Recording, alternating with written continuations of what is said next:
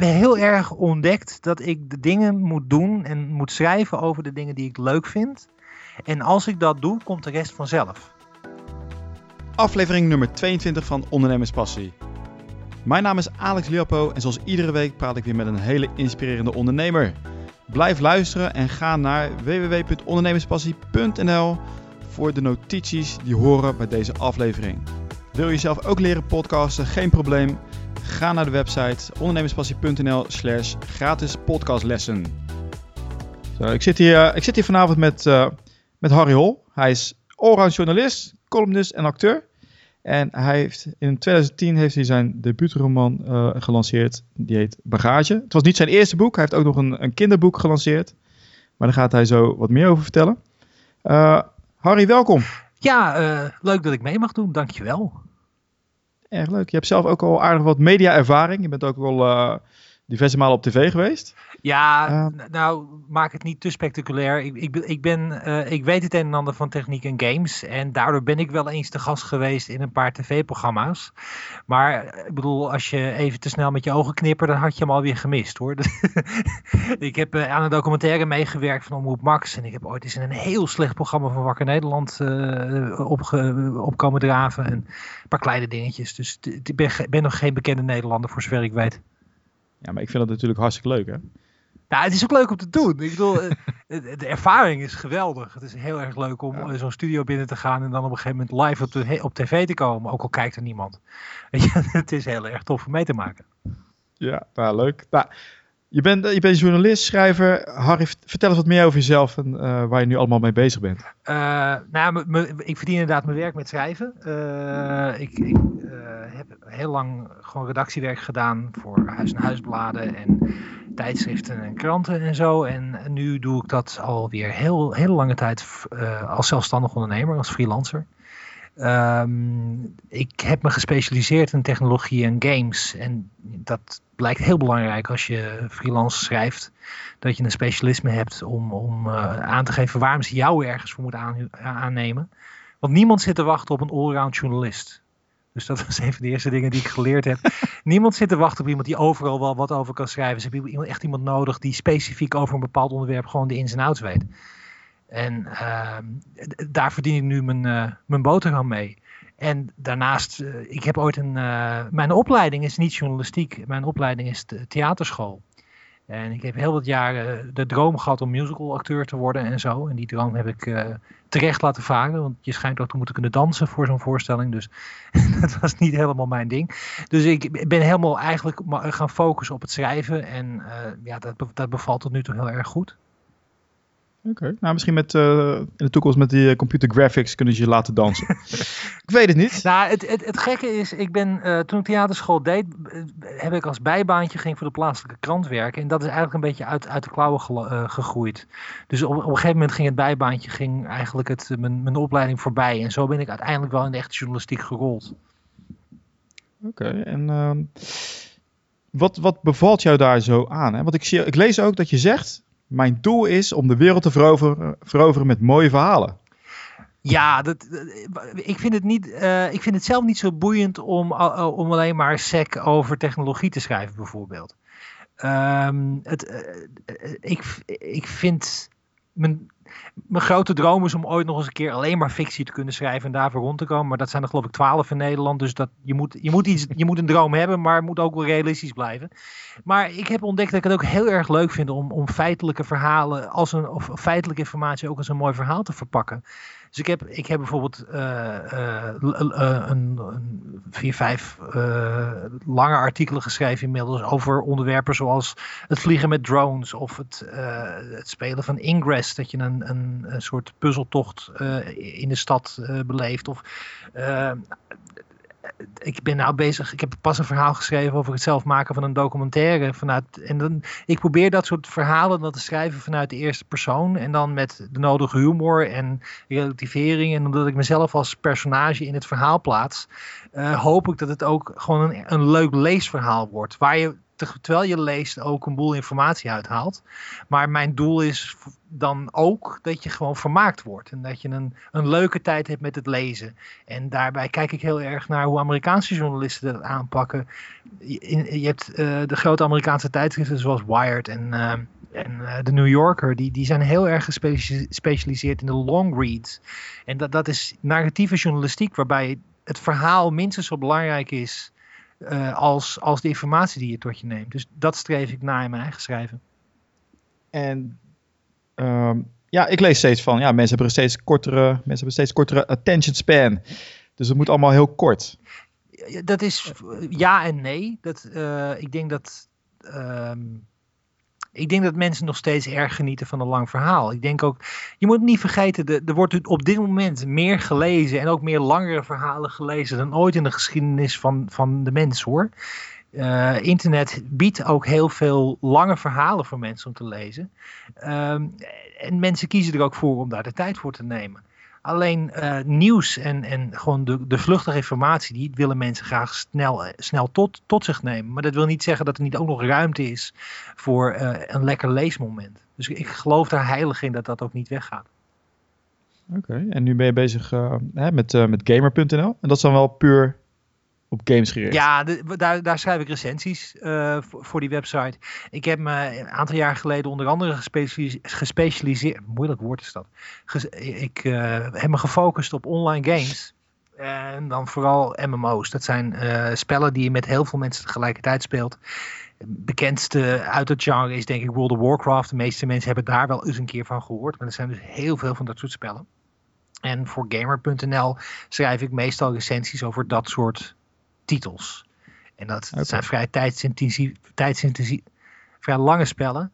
Uh, die, die dus, uh, waar je ook wel volgens mij wat kennis voor moet hebben om ze te kunnen vergelijken. Het is echt een specialisme binnen de games. Maar je speelt die spellen ook echt zelf, dus niet alleen voor je artikelen? Uh, minder dan vroeger, want ik, ik heb een vriendin en een leven en ik wil graag ook gewoon andere dingen daarnaast doen. Maar ik heb heel veel van dit soort games gespeeld. Ook heel veel verschillende, uh, verschillende soorten en genres.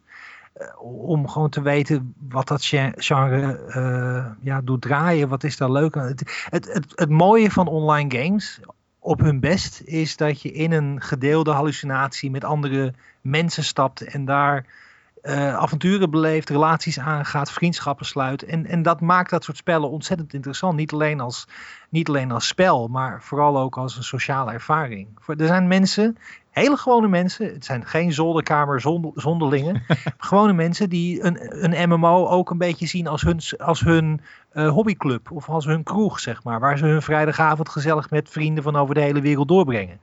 En, en dat maakt het een ontzettend leuk en interessant genre. Een gedeelde hallucinatie. Ja, je moet je voorstellen, je, spellen zoals je vroeger kende, zoiets als Pac-Man of Space Invaders, dan zit je in je eentje naar een scherm te kijken en de enige die het spel ervaart ben jij. Het is hetzelfde als dat je een boek leest. Niemand leest met je mee. Maar een, een online game, een MMO, zorgt ervoor dat jij dezelfde spelwereld deelt met andere mensen. Dus je ziet andere mensen voorbij lopen, je kunt er een praatje mee maken. Ze helpen je of ze hinderen je bij het, uh, bij het spelen. En dat maakt dat soort spellen heel dynamisch. Ja, ik uh, zelf ben meer van de first-person shooters. Dus maar is meer omdat ik weinig geduld heb voor al die missies. ja, ja, nee, het, het, het, ik heb op zich... Ik ben een beetje spelagnostisch. Want ik vind heel veel genres interessant. Um, en games is een medium wat net zo interessant is als film en boeken. Het is een, het is een amusementsvorm die op dit moment al zo groot is en zo ontzettend veel aspecten in zich heeft. Het is veel meer dan uh, wat sommige mensen nog steeds denken dat het kinderspeelgoed is. Nee, het is een volwassen amusementsvorm. Dat is ook wat ik de hele tijd bepleit. Ik zit in de adviescommissie van uh, Nikan Pijk, uh, Kijkwijzer en Peggy. Dat is de Kijkwijzer, dat is de organisatie die verantwoordelijk is voor die symbooltjes en de leeftijdsaanduidingen op uh, films. Ja. En uh, Peggy doet hetzelfde voor games. En beide worden geadministreerd vanuit Nederland. Dus Peggy, de Pan-European Game Information System, dus de ah. leeftijdsaanduidingen die je op alle spellen ziet die in Europa verkocht worden. Dat systeem is ontwikkeld en wordt beheerd in Nederland. En die hebben een adviescommissie. En als gamejournalist ben ik één van een groep mensen die hen er ook ad over adviseert en, en scherp houdt. Oké, leuk man. Ik wist niet dat het, uh, dat het uit Nederland kwam. Ja, dat was voor mij ook een verbaas, uh, verbazingwekkend iets. Maar dat, ja, ik ben een, een dikke zes, zeven jaar dat ik ook met ze werk. Dus nu weet ik dat wel. Maar dat was toen inderdaad verbazingwekkend dat Nederland dat daarin leidend was. Dat komt omdat het kijkwijzersysteem zo ontzettend goed werkt. En dat, dat is Europees echt overgenomen. Kijk, weer iets om trots op te zijn. Ja, toch? Ik, ja, ik vind het leuk. ja, zeker. Nee, ik bedoel ook als Nederland ja, zijn. Ja, ja. ja. iets, ik wil wat meer over jou weten. Hè? Want je, ben, je bent begonnen in de, als journalist. En je hebt ook de stap gemaakt om dat zelfstandig te gaan doen. Ja. Hoe is dat gegaan? Uh, met heel veel moeilijkheden.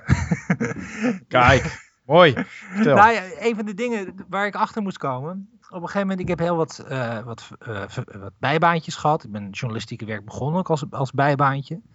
Maar ik kon niet meteen daarvan leven. Dus dan ga je ja, stom werk daarnaast doen, zoals helpdeskwerk. En, en ik heb tot mijn grote schande ook nog een, een, jaar lang telemarketing gedaan. Echt, het is geen trots moment in mijn bestaan.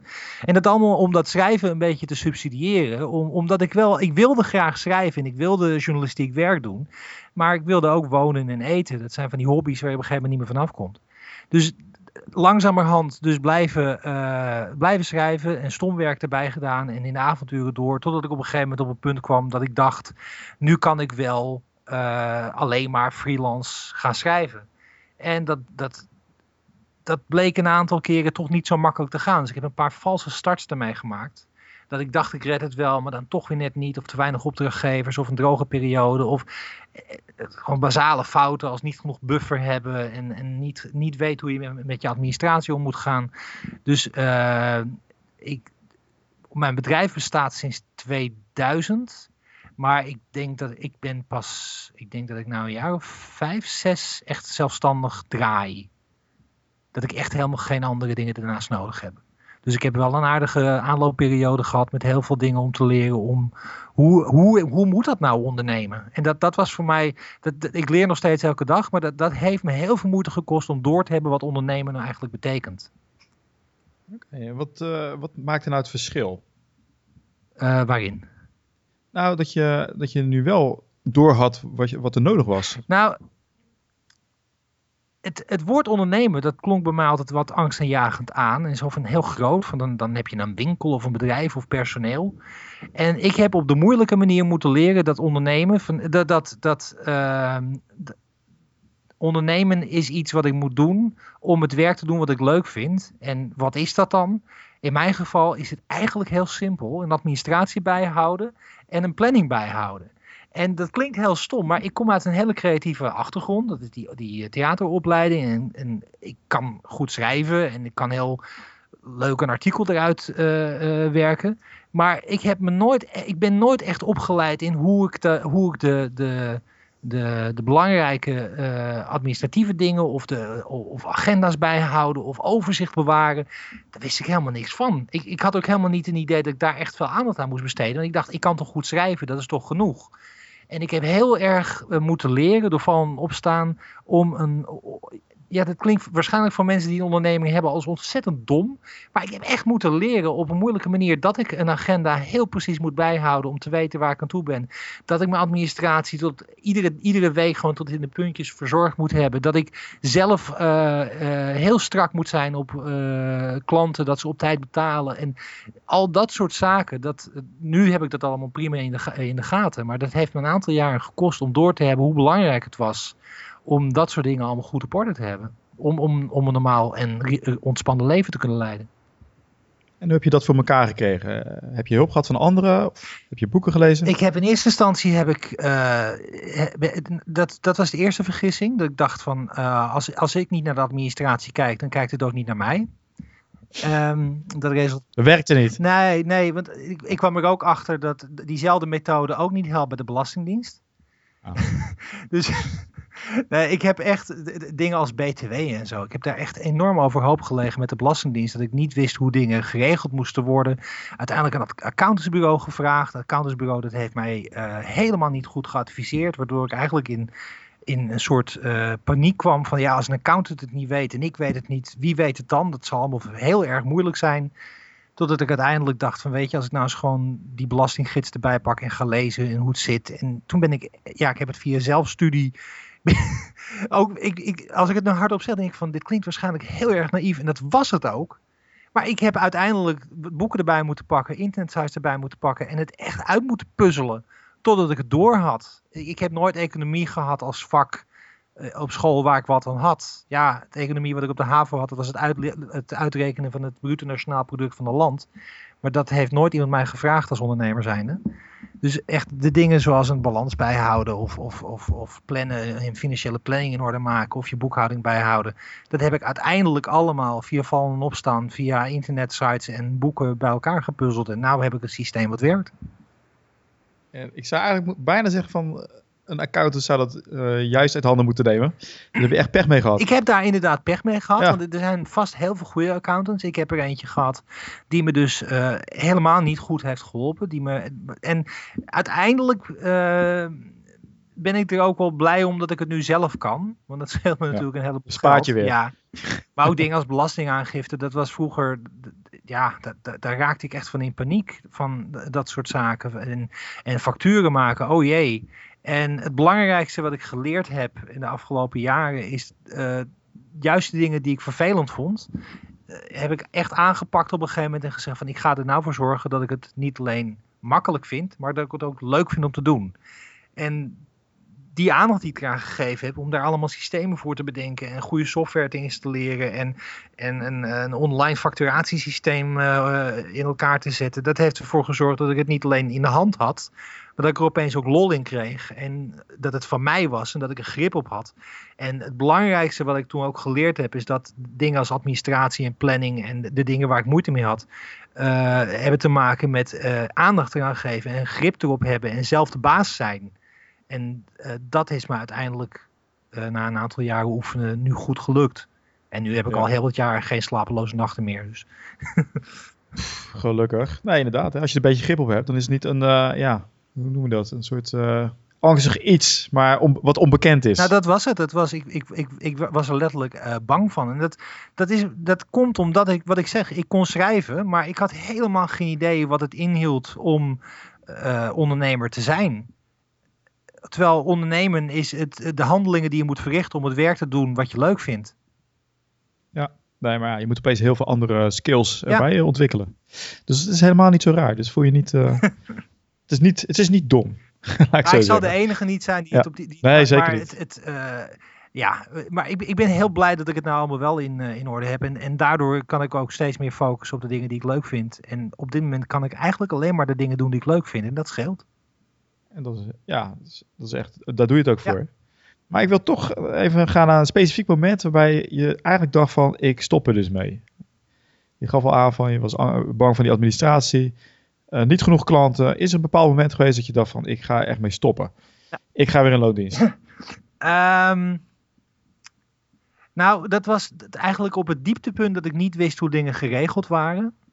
Uh, dat heb ik, ik heb daar ontzettend veel van geleerd, maar dat is, dat is echt niet mijn meest trotse moment geweest. Uh, dat had te maken met, stom genoeg met btw-aangifte. Um, ik had toen iets verkeerd gedaan met een BTW-formulier. Dat was nog voordat je dat online moest doen. En dat een soort sneeuwbal. Op een gegeven moment, ik had iets vergeten. Toen was ik, had ik te laat gereageerd op een brief. Die ik had, nou, voor ik het wist, had ik een paar duizend euro belastingsschuld. Waarvan ik niet wist hoe, hoe ik eraan kwam, hoe ik er vanaf kwam. En ik wist ook niet hoe ik het moest betalen, want ik had ook echt geen, ik had geen idee. Ik, ik, de, de enveloppen stapelden zich op en de paniek nam toe. En voor ik het wist was het zelfs zo dat de Belastingdienst uh, op basis van uh, mijn niet afgedragen BTW, waar ik niet van snapte waar ik het moest betalen, uh, beslag had gelegd op mijn auto.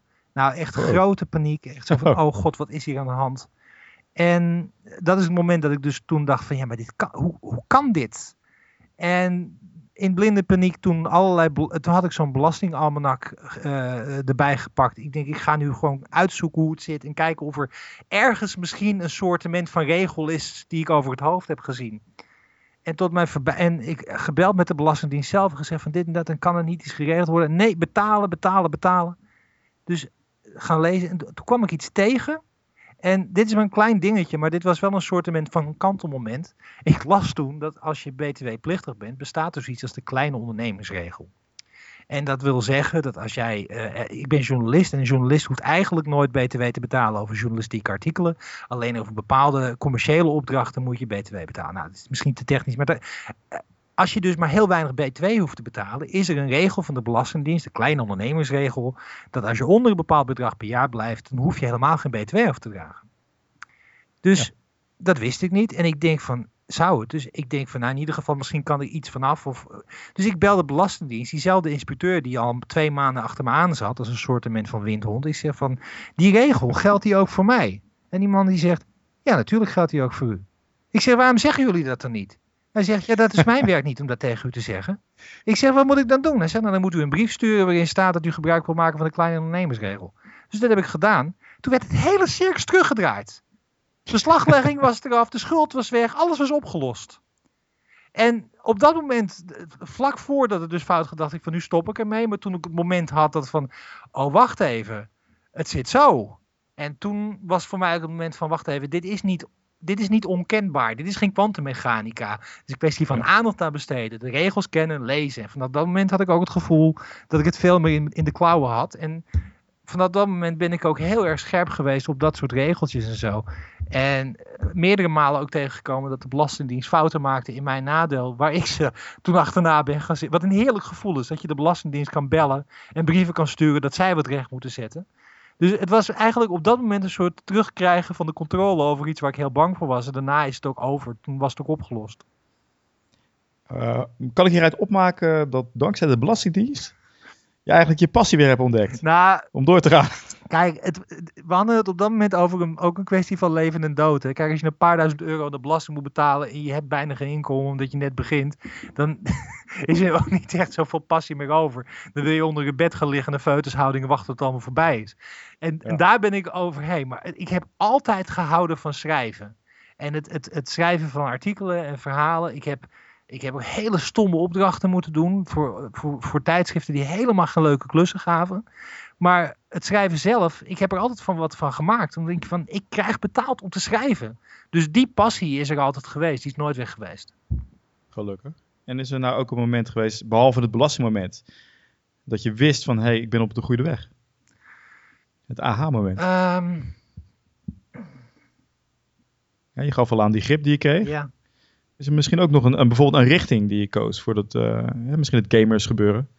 Nou, het, het, het, het, toen ik, het is wel het grappige dat ik heb, een van de dingen die ik geleerd heb, en dat klinkt misschien heel erg uh, wijs, terwijl het niet zo bedoeld is.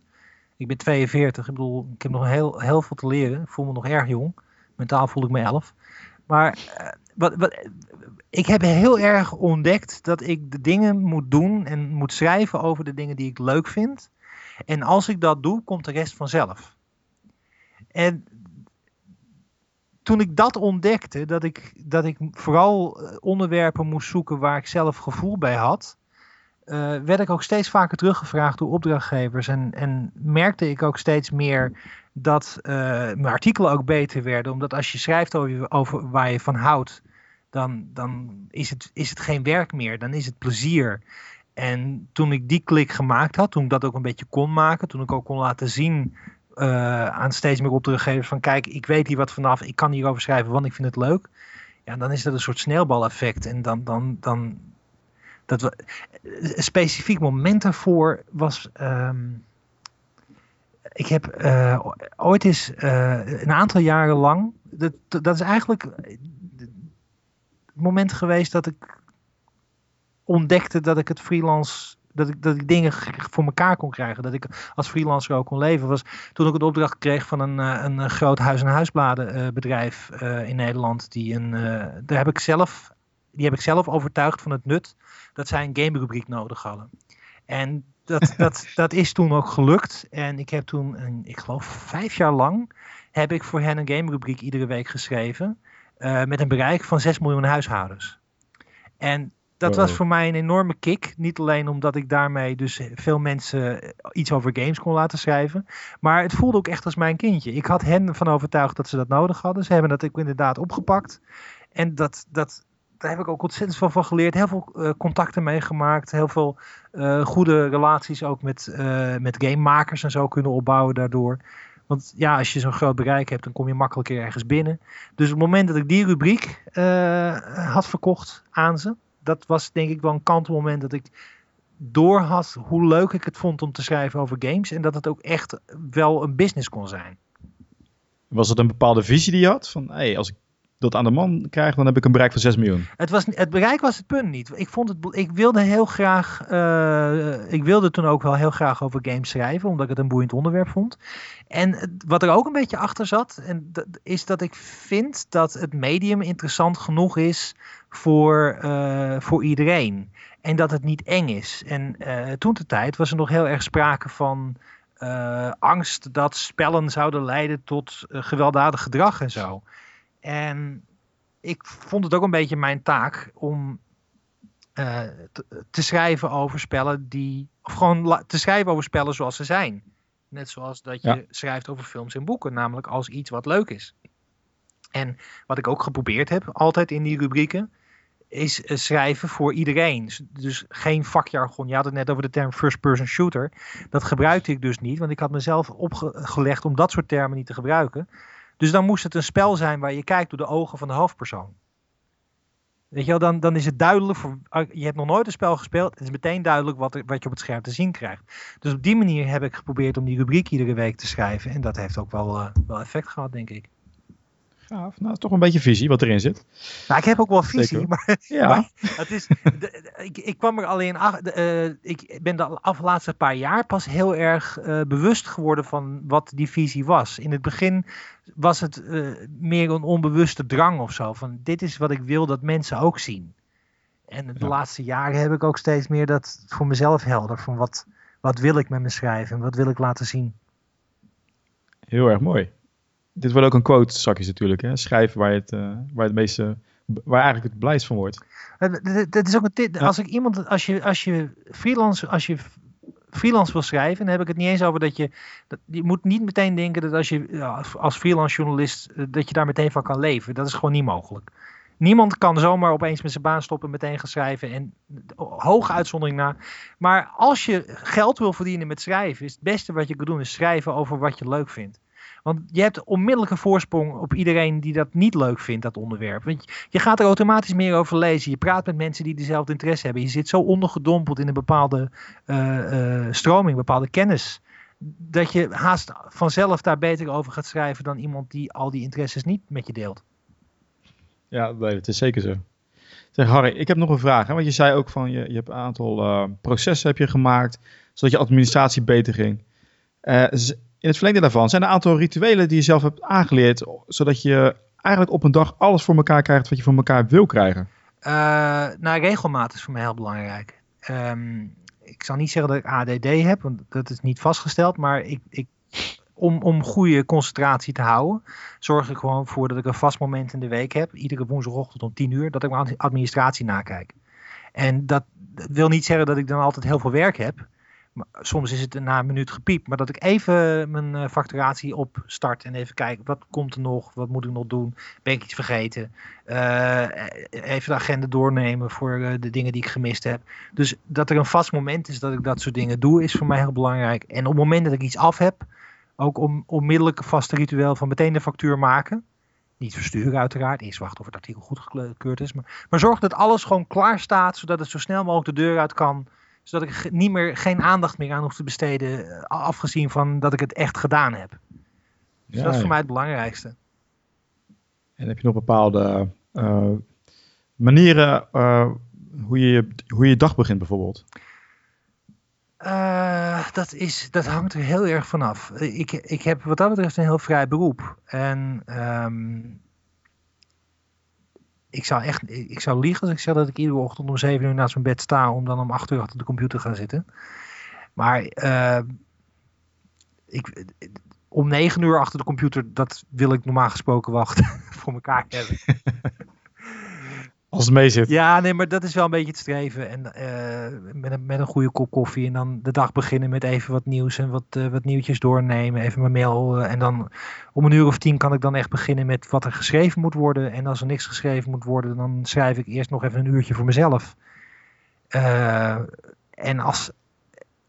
En eigenlijk is het heel moeilijk om dagen meer dan dat vast te leggen als ik een artikel krijg waar ik een. Uh, als ik een week geen artikel heb, dan heb ik even een week ook niet zo heel veel om handen. Ja, dan ga ik, dan ga ik zoeken naar, naar nieuwe opdrachtgevers. Maar dat heb ik ook niet een, een vast ritueel of een vaste manier voor.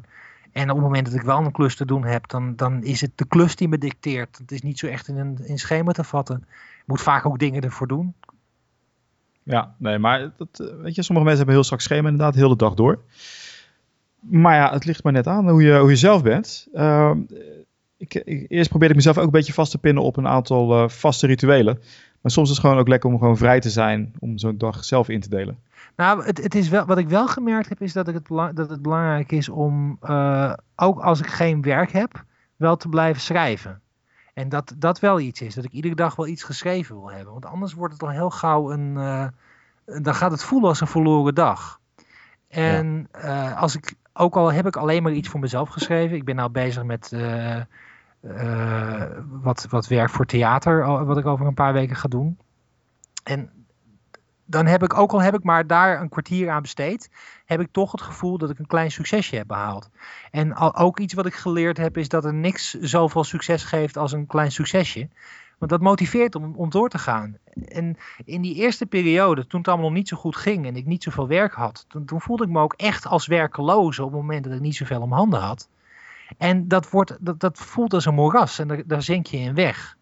En op het moment dat ik mezelf ertoe zet om toch gewoon productief bezig te zijn, ook al verdient het niet onmiddellijk geld, uh, ja. voorkomt dat gevoel van dat je jezelf waardeloos gaat voelen. Want je bent namelijk toch met iets bezig wat op een gegeven moment geld op gaat leveren. En dat is iets wat ik ook altijd zo ervaren heb. Ja. Zelfs de dingen, ik heb een weblog bijgehouden, daar heb je zelf misschien stukjes van gelezen, schrijversblog.nl.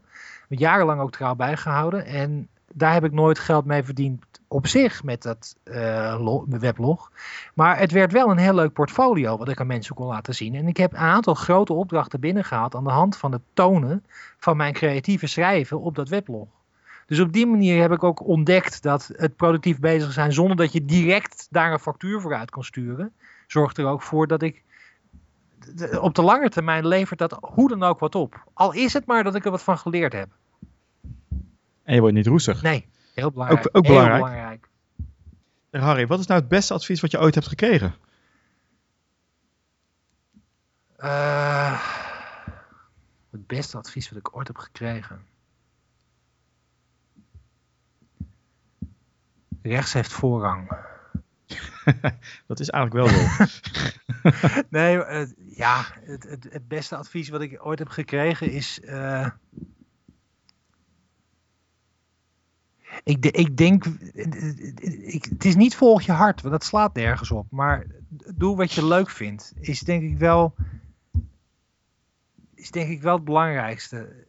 Mijn ouders die waren wat dat betreft heel erg uh, heel, heel ontspannen daarin. Toen, toen ik zei dat ik theater wilde gaan doen, hadden ze van, nou, dat moet je ook vooral doen, want dat vind je leuk. En als je het leuk vindt, dan heb je een grotere kans dat je er wat van gaat maken. En dat heb ik altijd wel meegedragen. Van, en doen wat je leuk vindt wil niet zeggen dat je geen dingen moet doen die je niet leuk vindt. En dat hoort erbij. Maar je moet niet uit het oog verliezen dat wat je leuk vindt, dat je daar de meeste lol uit haalt en de meeste energie uit haalt. En dat je daar ook het verste mee komt. Voor, voor mij is dat wel het belangrijkste. Ja, dat is ook een heel mooi advies. Maar niet het misverstand dat ik daarmee zeg van dat je geen, leuk, dat je geen stomme dingen moet doen. Want ik heb hele stomme dingen moeten doen. Ik, nee. om daar te komen, ja, om daar te komen. Ja, maar, ja, maar. Als, als je er, ik, ik, ik, heb, ik heb hele, echt hele, heel vervelende bijbaantjes gehad. Zoals internet helpdeskwerk. Nou, er is, er is echt een van de zeven uh, lagen van de hel is volgens mij internet helpdeskwerk.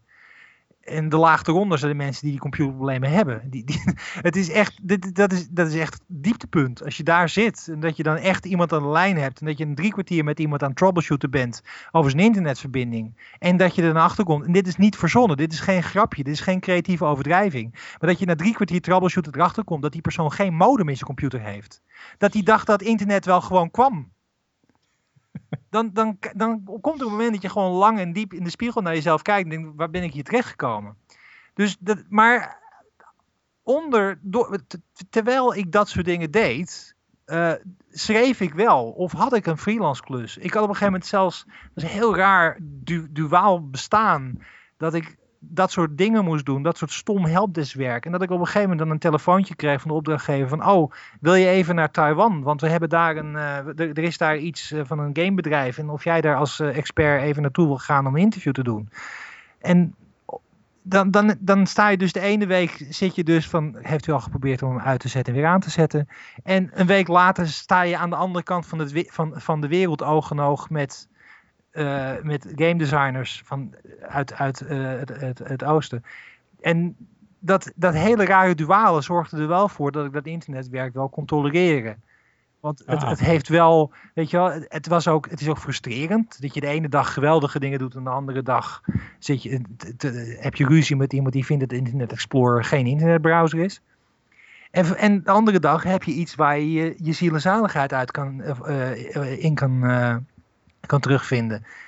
Dat is wel frustrerend, omdat als je ziet hoe mooi het leven kan zijn, dan is soms het zitten in de modder van de internet helpdesk is dan wel heel pijnlijk. Maar aan de andere kant, ik wist wel waar ik naartoe ging en waar ik naar ging bouwen. En uiteindelijk is het ook gelukt om uit die, die droeve, eh, zwarte, kwaadaardige hel op te stijgen. Ik ben nou, niet bitter alle, of zo. Hoor. Alle, nee, voor alle internetmedewerkers uh, die nu zitten te luisteren en depressief zijn geraakt. Je kan contact opnemen van Har met Harry en die gaat je helpen om je ware passie te vinden. Ah, het is niet dat ik bitter ben hoor. Het is... een beetje correlatie erachteraan als je zulke uitspraken doet. Ah, nee, maar, ah, maar jij denkt dat ik overdrijf, maar nee. nee, nee, nee, op, uh, op internet. Ik heb wel eens, uh, wel eens gelezen van die... Oh. Uh, van die internetmedewerkers inderdaad, die dan opschrijven wat voor soort ja, echte helpvragen van klanten. En hoe belachelijk dat kan zijn. En die hebben daar ook een uh, weblog van gemaakt. Ja. Dus ik ken ze, ik ken ze. Maar, de, maar de, het, het, het, het, contrast was dus wel moeilijk als een, als een, als een stimulans. En ik ben ook... Ja. En het is ook, het is, ja, je moet gewoon ook als je iets wil doen wat het niet... kijk, ik, ik zou bijna zeggen, iedereen kan in een kantoor gaan zitten en doen wat zijn baas zegt. Weet je wel, dat, op een of ander niveau kan iedereen dat wel doen. Maar als je iets wil doen zoals schrijven, daar is, niet, daar is geen kantoor voor. Weet je wel, wat ik wil doen, daar moet ik zelf uh, opzetten. Daar kan je niet, nee, dat, daar kan je niet, ja. daar kan, daar kan je niet uh, leunen op wat een ander voor infrastructuur heeft neergezet nou ja, en dat, dan krijg je dus dat vallen en opstaan. Ja, precies. Dus dan moet je dus, ook een boel uh, leren. Ik wel in ieder geval. zeg, uh, zijn er ook nog een, wat je ook net al aangaf, hè? ik wil wat weten over de software die je gebruikt. Want je gaf al aan van je hebt een aantal dingen geautomatiseerd. Uh, is er een bepaalde tool die je kan aanraden om te gebruiken?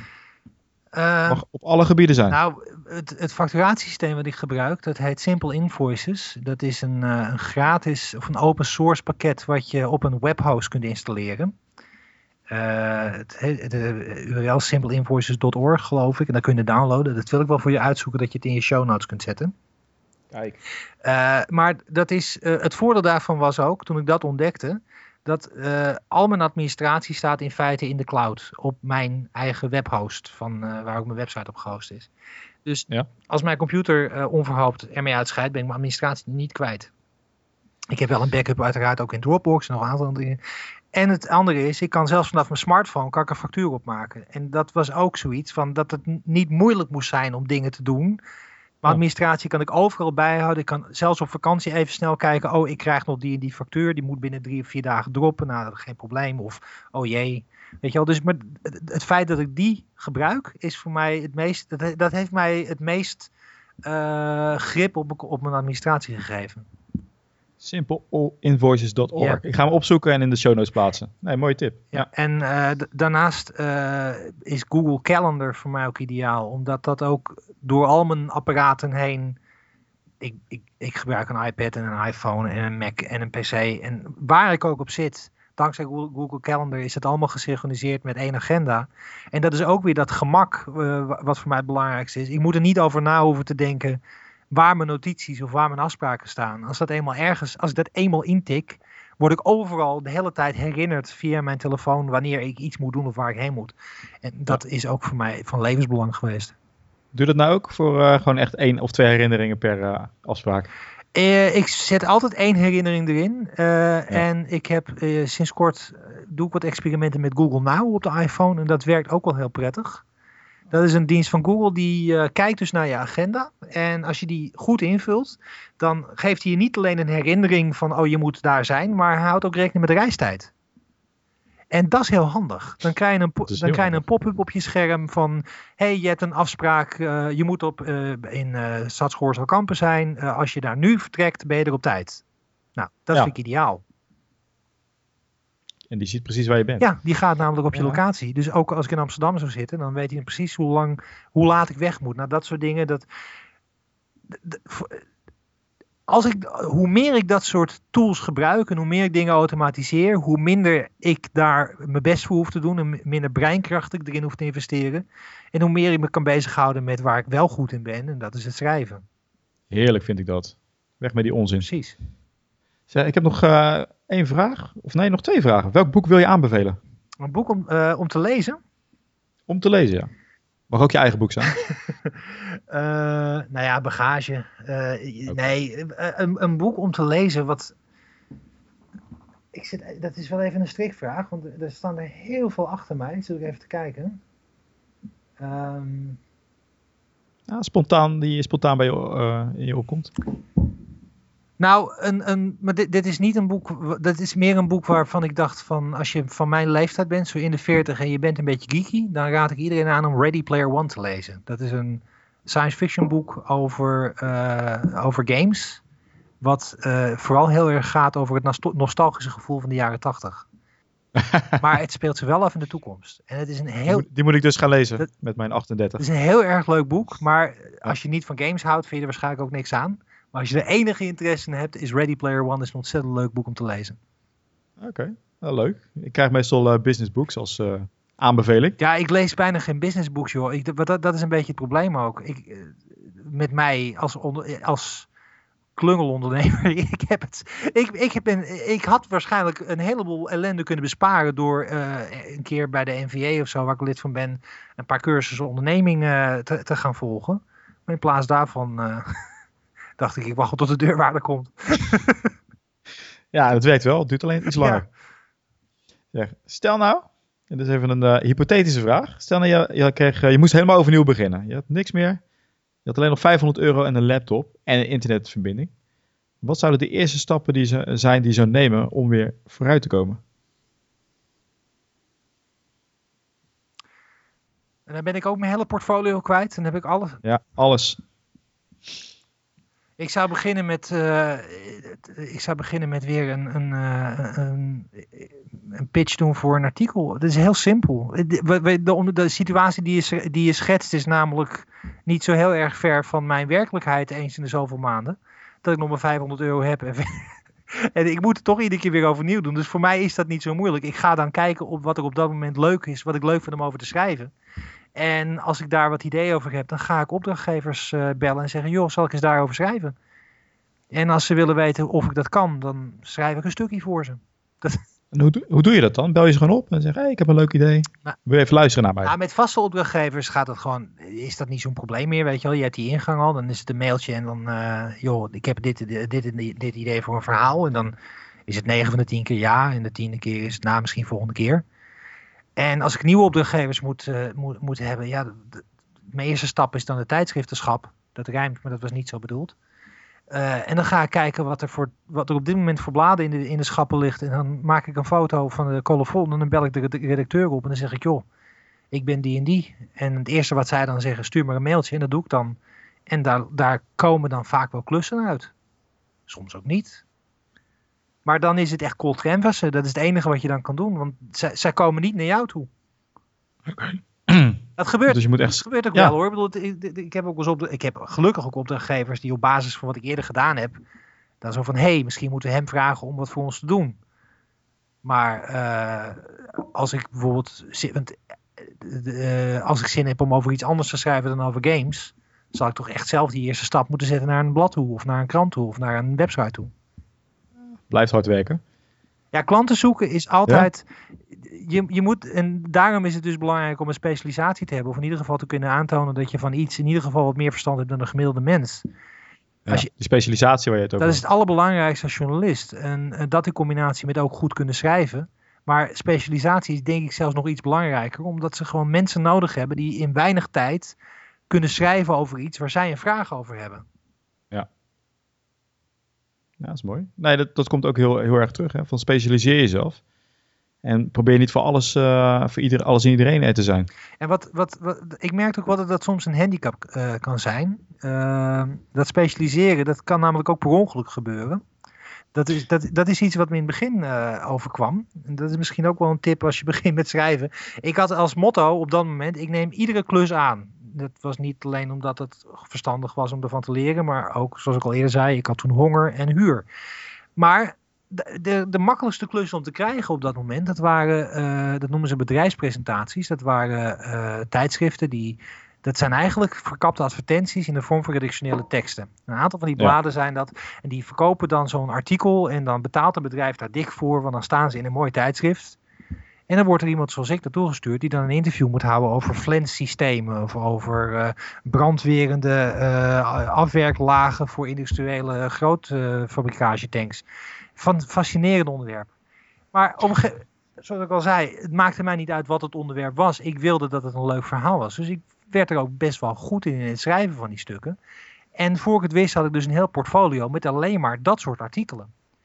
Oh en als je dan wil proberen om daar uit te breken, dan ga je naar bladen eh, bellen en mailen. En dan, ja, wat heb je geschreven? En dan stuur je dat op. Ja, ja, zoiets kan je ook wel voor ons doen. Maar ik wilde niet ook weer dat voor hen doen. Ik wilde dan nu schrijven over eh, computers, of over technologie, of over wetenschap, of over een interview met wie dan ook. En het, het was op dat moment voor mij ontzettend moeilijk om uit die, die, ja, die richting te breken. Omdat het enige wat ik kon laten zien, kon bewijzen wat ik goed in was, was hetgene wat ik eigenlijk niet meer wilde doen. Dus, dus het is heel, ik denk dat het ook wel belangrijk is om, en dat, dat is wat ik anders zou doen nu, als ik overnieuw zou moeten beginnen. Ik zou ook dat soort klussen aanpakken, maar ik zou ook heel erg mijn best doen om in ieder geval één of twee dingen te doen die ik echt zelf wil doen. Om, Ja. om, om, die, om, om mijn schrijfwereld groot te houden en, en die uitbreekmogelijkheid makkelijker te maken. Goeie tip, want dan zit je daar weer in vast. Ja, dat, dat, dat, Ja. Was echt, dat, dat heeft me echt een jaar gekost voordat ik daar helemaal uit weg was. Nou, Harry, ik vond het echt superleuk om met je te praten. Ehm, hoe kunnen mensen met jou in contact komen? Stel nou, ze willen een mooi artikel voor jou. Eh, ja, dan wil ik eerst zeggen dat ik coherenter schrijf dan ik praat. Eh, dus ik hoop. Ik vind dat je een hele goede stem hebt. Oh, ja, nou, ik, ik doe, eh, dat heb ik geleerd van podcasten onder andere. Ik doe een podcast Ah. met eh, onder andere met Erwin Vogelaar en Bastiaan Vroegop eens in de week. Eh Gamebytes.nl, luister, erg leuk. En een Engelstalige podcast die heet eh, MMO Reporter, mmoreporter.com. Waar ik eh without trace of accent in English eh, podcast eh make. Maar ja, met een Amerikaan en een Canadees, dus dat, dat gaat best goed. Eh, maar als mensen contact met mij willen hebben, dan kunnen ze mij altijd eh, eh, vinden op mijn website schrijversblog.nl. Dat is blog B-L-O-K, dus niet blog. Of mijn mailen, en dat is uh, S-C-R-I-B-S.nl. En Scripts is ook mijn, de naam van mijn persbureau. Ja, nee, mooi. Nee, leuk. En eh, ik, hoop, eh, ja, ik hoop je binnenkort weer te spreken. Ik ben echt heel benieuwd hoe dat altijd verder gaat, ook met mijn vorige gasten. En mocht er eh, iets zijn, stel dat je roman komt uit, stuur me even een mailtje. Ja, zal ik doen. Dan, en eind, eind november sta ik voor het eerst als stand-up comedian in Utrecht in Theater Vredenburg. Dan ben je. Ja, en ja, ik, ik, dit jaar is eigenlijk een beetje mijn theatercomeback jaar. Ik heb begin in mei heb ik een rol gespeeld in een musical. Tot mijn grote verbijstering. Semi-professionele productie, waar ik erg eh, tevreden over was. Met een heleboel heel getalenteerde mensen. Onder andere Marjolein Touw, grote musicalster, speelde erin mee. Marjolein Ja. Touw die heeft onder andere de moeder van Siske de gespeeld in uh, Siske de Musical. Dus, uh, dus eind juni stand-up comedy en waar daartoe leidt, weet ik nog niet. Dus ik blijf het combineren, theater nu weer met het, het schrijfwerk. Eerste keer dat je stand-up comedy ja, gaat doen? ik geef wel lezingen, dat heb ik ook wel vaker gedaan. En ik heb ook wel eens te horen gekregen, jij moet stand-up comedy doen. Maar er is een heel groot verschil tussen het amuseren van een, een groep mensen die uh, al gauw vermaakt worden omdat ze een saaie presentatie verwachten. Of dat je voor een zaal met mensen staat die verwachten ja. dat ze gaan lachen. Ja, spannend joh. Dus ik ben heel, ja, leuk. heel benieuwd hoe dat gaat. Hey Harry, bedankt. Ja, graag gedaan joh. Hartelijk dank voor het luisteren. Ik hoop dat jullie ook heel veel waardevolle informatie hebben gehoord. Ga naar de website ondernemerspassie.nl slash iTunes om een review achter te laten als je het ook geweldig vond. Een review helpt enorm bij de rankings en zo wordt deze podcast ook meer gevonden. Maak er weer een hele mooie dag van. Ik hoop dat jullie ook zo geïnspireerd zijn geraakt zoals ik. En tot de volgende keer.